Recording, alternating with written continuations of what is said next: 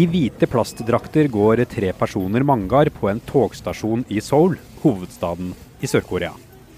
I hånden holder de hver sin dunk med desinfiserende væske. Den sprayer de opp etter veggene, på gulvene og trappene inn til stasjonen. De sprayer også ned og vasker billettbarrierene med klut. Hele verden kjemper nå en krig mot spredningen av koronaviruset. Hva kan Norge lære av de som begynner å få kontroll? Dette er Forklart fra Aftenposten. Jeg heter Andreas Bakke Foss. Det er tirsdag 17. mars.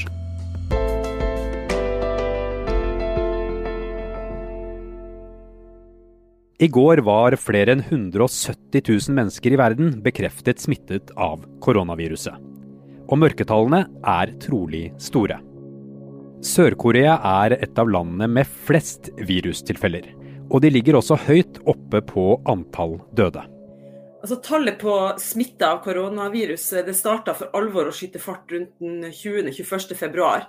Og snart var det flere hundre nye smitta hver dag, og, og landet ble regna som det verste ramma etter Kina. Og hittil har eh, landet over 8000 som er smitta av koronaviruset. Ingeborg Mo er utenriksjournalist i Aftenposten, og hun har sett nærmere på det som har skjedd i Sør-Korea etter virusutbruddet. For nå vekker utviklingen oppsikt. Og det som skjer, det er ikke tilfeldig. Jeg vil si at de har brukt to uh, veldig sterke virkemidler som har uh, fått en del oppmerksomhet. Det er massiv testing og massiv smitteoppsporing. Altså, de har uh, f.eks.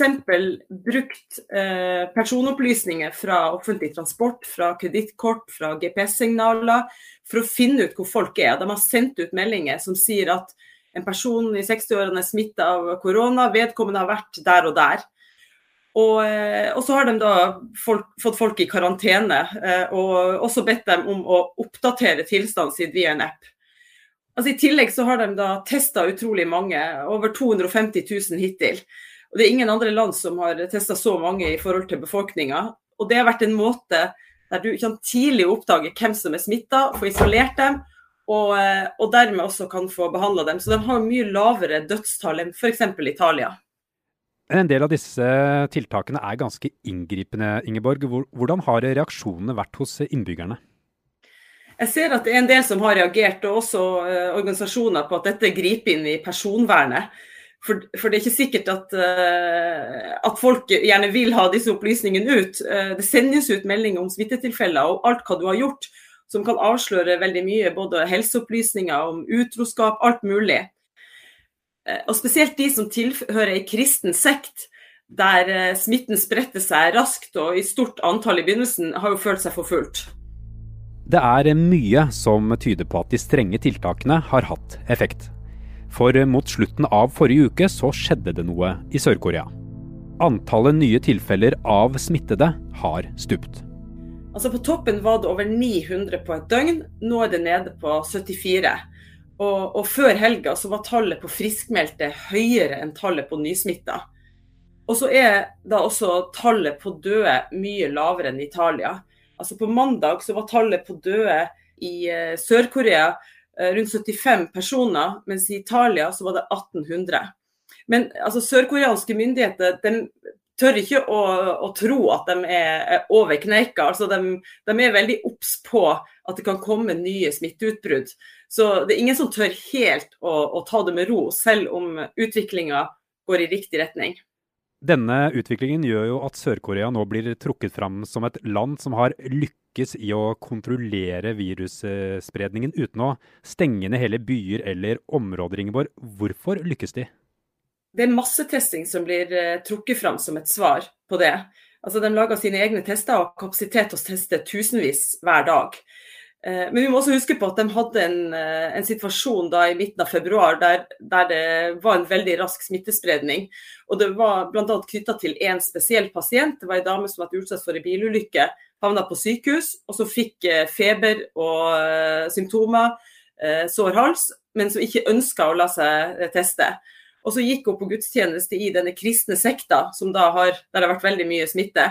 Og dro tilbake på sykehuset. Og, og, og mye av smittespredninga har jo vært knytta til henne. Og, og, det at hun på en måte ikke ble testa, og fikk brakt smitten videre. Men i ettertid har de jo da satt i gang en enorm testing, da, som jeg mener er viktig. Altså det, det regimet deres heter trace, test and treat. altså hvis du oppdager hvem som er smitta tidlig, så er det mye lettere å få gjort noe med det. Hva kan resten av verden lære av eh, Sør-Koreas håndtering? Sør-Korea hadde en slags generalprøve på dette i 2015, da MERS-viruset kom til landet. Det gjorde at det økte beredskapen og lagde en del nye forordninger. Men samtidig så er det viktig å tenke på at det er ikke sikkert at nordmenn ville funnet seg i å bli overvåka på samme måte som det sørkoreanerne har blitt eh, nå. Samtidig så virker det å utvikle tester, ha stor testkapasitet og teste mange, det ser ut til å være viktig for å hindre spredning. En hel verden er nå rammet av koronapandemien. Men ulike land bekjemper viruset på ulike måter. Og det får konsekvenser. Vi er straks tilbake.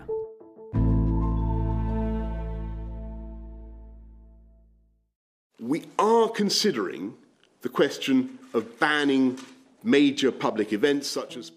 i Storbritannia sa statsminister Boris Johnson så sent som i forrige uke at det ikke er hensiktsmessig å forby store arrangementer eller stenge skoler. This banning such events will have little effect on the spread.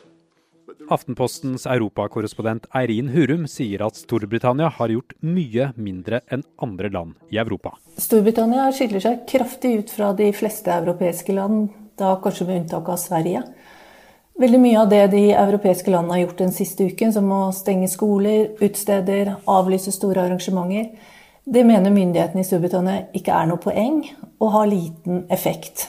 Og da vel å merke på dette stadiet. Et annet eksempel er at full isolasjon av alle ikke er ønskelig. Og her blir det hevdet at man trenger immunitet i befolkningen for å beskytte seg mot sykdommen i framtiden. Dessuten snakker myndighetene kontinuerlig om timing, og at det er viktig å sette inn ulike tiltak i ulike faser av forløpet. Og til sist så sier man at man ikke må rope 'ulv, ulv' for tidlig. Man frykter rett og slett at folk blir lei smitteverntiltakene før de virkelig gjelder. Så Det er derfor ikke overraskende at det er full strid mellom den fagmedisinske ekspertisen som regjeringen støtter seg på, og andre helseeksperter. Og I helgen så skrev over 200 vitenskapsfolk et åpent brev til myndighetene, hvor de tar til orde for tøffere tiltak og harde virkemidler.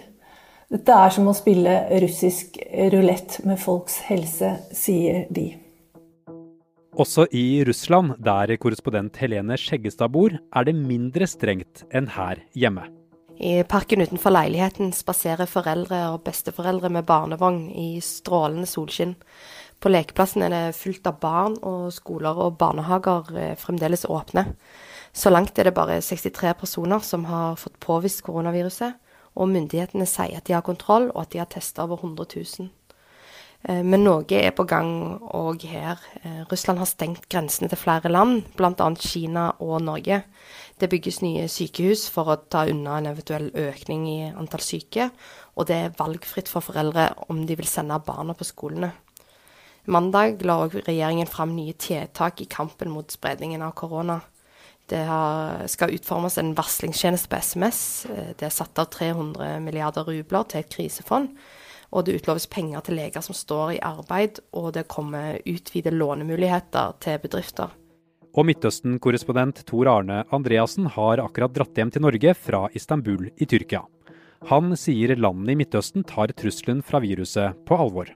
Tyrkia beslutta fredag å stanse flytrafikken til ni europeiske land, deriblant Norge er dessuten blitt eh, nesten umulig å reise rundt eh, til landene i regionen.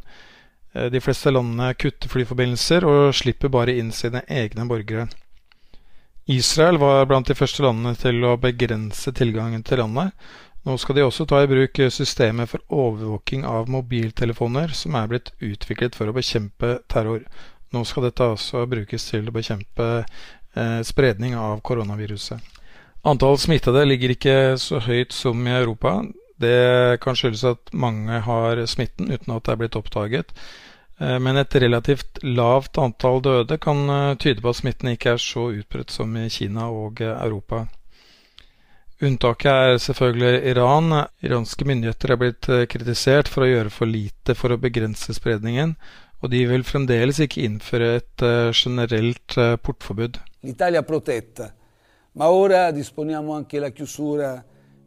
Italia regnes som landet utenfor Kina som er hardest rammet av det nye koronaviruset. I starten av denne uken var 1800 mennesker døde og 25 000 smittet. Og dødstallene fortsetter å stige. Helle Årnes, som er utenriksjournalist i Aftenposten, sier byene i Italia beskrives som spøkelsesbyer. Altså Som om de ble forlatt i all hast. sant? Det er ingen trafikk, det er ikke noen mennesker. Det er ikke noen som er ute og handler, ingen på kafé, det er ikke noe Dolce Vita. Eh, så det er jo eh, det første landet i Europa som, etter krigen som har vært under fullt portforbud. Så er jo grensene til landet med noen få unntak da stengt. På togene, på, i parker, på gatene, på lekeplassene er stengt. Politiet går rundt og sjekker eh, at folk har nødvendig grunn til å bevege seg ute. og Man må bære på seg et sånt eh, dokument, et sånt som er selvutfylt, riktignok, men du må legitimere på en måte at du beveger deg på gaten, at du har en legitim grunn for det. Det kan være jobb, det kan være at du skal ut og kjøpe mat og sånne ting. Og, og i dag så sier eh, statsminister Giuseppe Conte at pandemien har ennå ikke nådd toppen i Italia.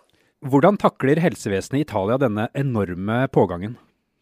Ja, Det er et enormt press der, og de er veldig fortvilet. Jeg snakket med en anestesilege sent fredag, og dette er jo type lege som er vant til kriser. ikke sant? Vant til å stå i kriser. Og, men han var helt på gråten, han var helt skjelven, utrolig sliten og fortvilet. Han sa at kommer det nå en, en, en 90 år gammel mann eller dame med pustebesvær, så eh, jeg, jeg nøler ikke, jeg må ikke behandle han. Eh, fordi at eh, jeg vet at det kommer til å komme en større eh, bølge med unge mennesker. Altså, han er i Firenze, han er ikke engang i, i det verst rammede området ennå. Han sa han var redd, han var deprimert, fortvilet, og han ba om at vi i Norge, som jo ligger bak Italia i, dette, sånn, i utviklingen, at vi må skjønne hvor alvorlig det er, og gjøre alt for å stoppe det hos oss. Det er en respiratormangel i Italia nå som er så prekær at noen eh, pasienter må dele, eh, dele respirator. Eh, og anestesimedisinere har altså fått noen sånne nye etiske retningslinjer med beskjed om at de skal prioritere personer som har antatt lang levetid. Eh, utenfor sykehusene er det rigget til masse store telt for, for, de syke, og det jobbes først og fremst på spreng med å utvide intensivavdelingene og, og, og skaffe seg mer utstyr, rett og slett. Altså respiratorer, masker. Det har vært en stor mangel på, på utstyr, men i, i, løpet av de neste to til fire ukene så kommer det altså eh, ja, rundt 4000 respiratorer da, til, eh, til Italia. Men det finnes likevel lyspunkter for livredde italienere. De strenge tiltakene ser ut til å ha virket.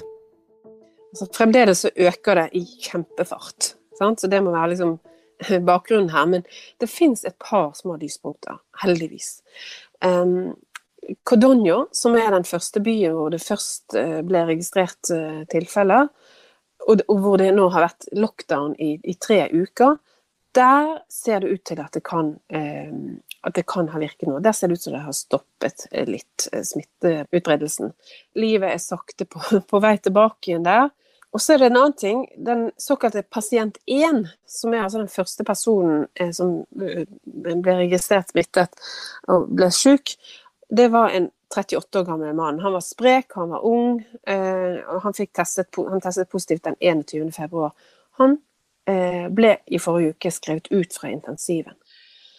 Og så eksperimenteres det også med gode resultater, og det rapporteres om det fra flere sykehus, med, med f.eks. en leddgiktmedisin. Men det er altså på de mest alvorlige lungebetennelsene som utvikles av denne koronaviruset. Og nå sprer distributøren, altså produsenten, sprer den gratis, deler den ut gratis til en rekke andre sykehus. Men Helle, hva kan Norge lære av det som har skjedd i Italia?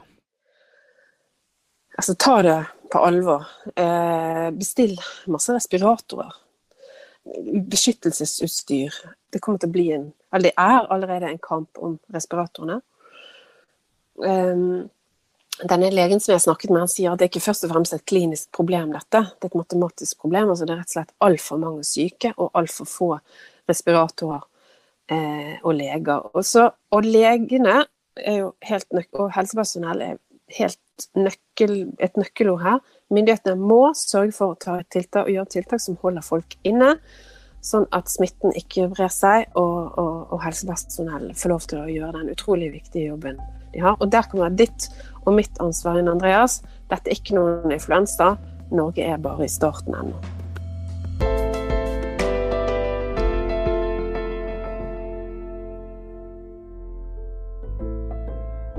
Forklart lages av Caroline Fossland, Anne Lindholm, Fride Næss Nonstad, Kristoffer Rønneberg og meg, Andreas Bakke Foss.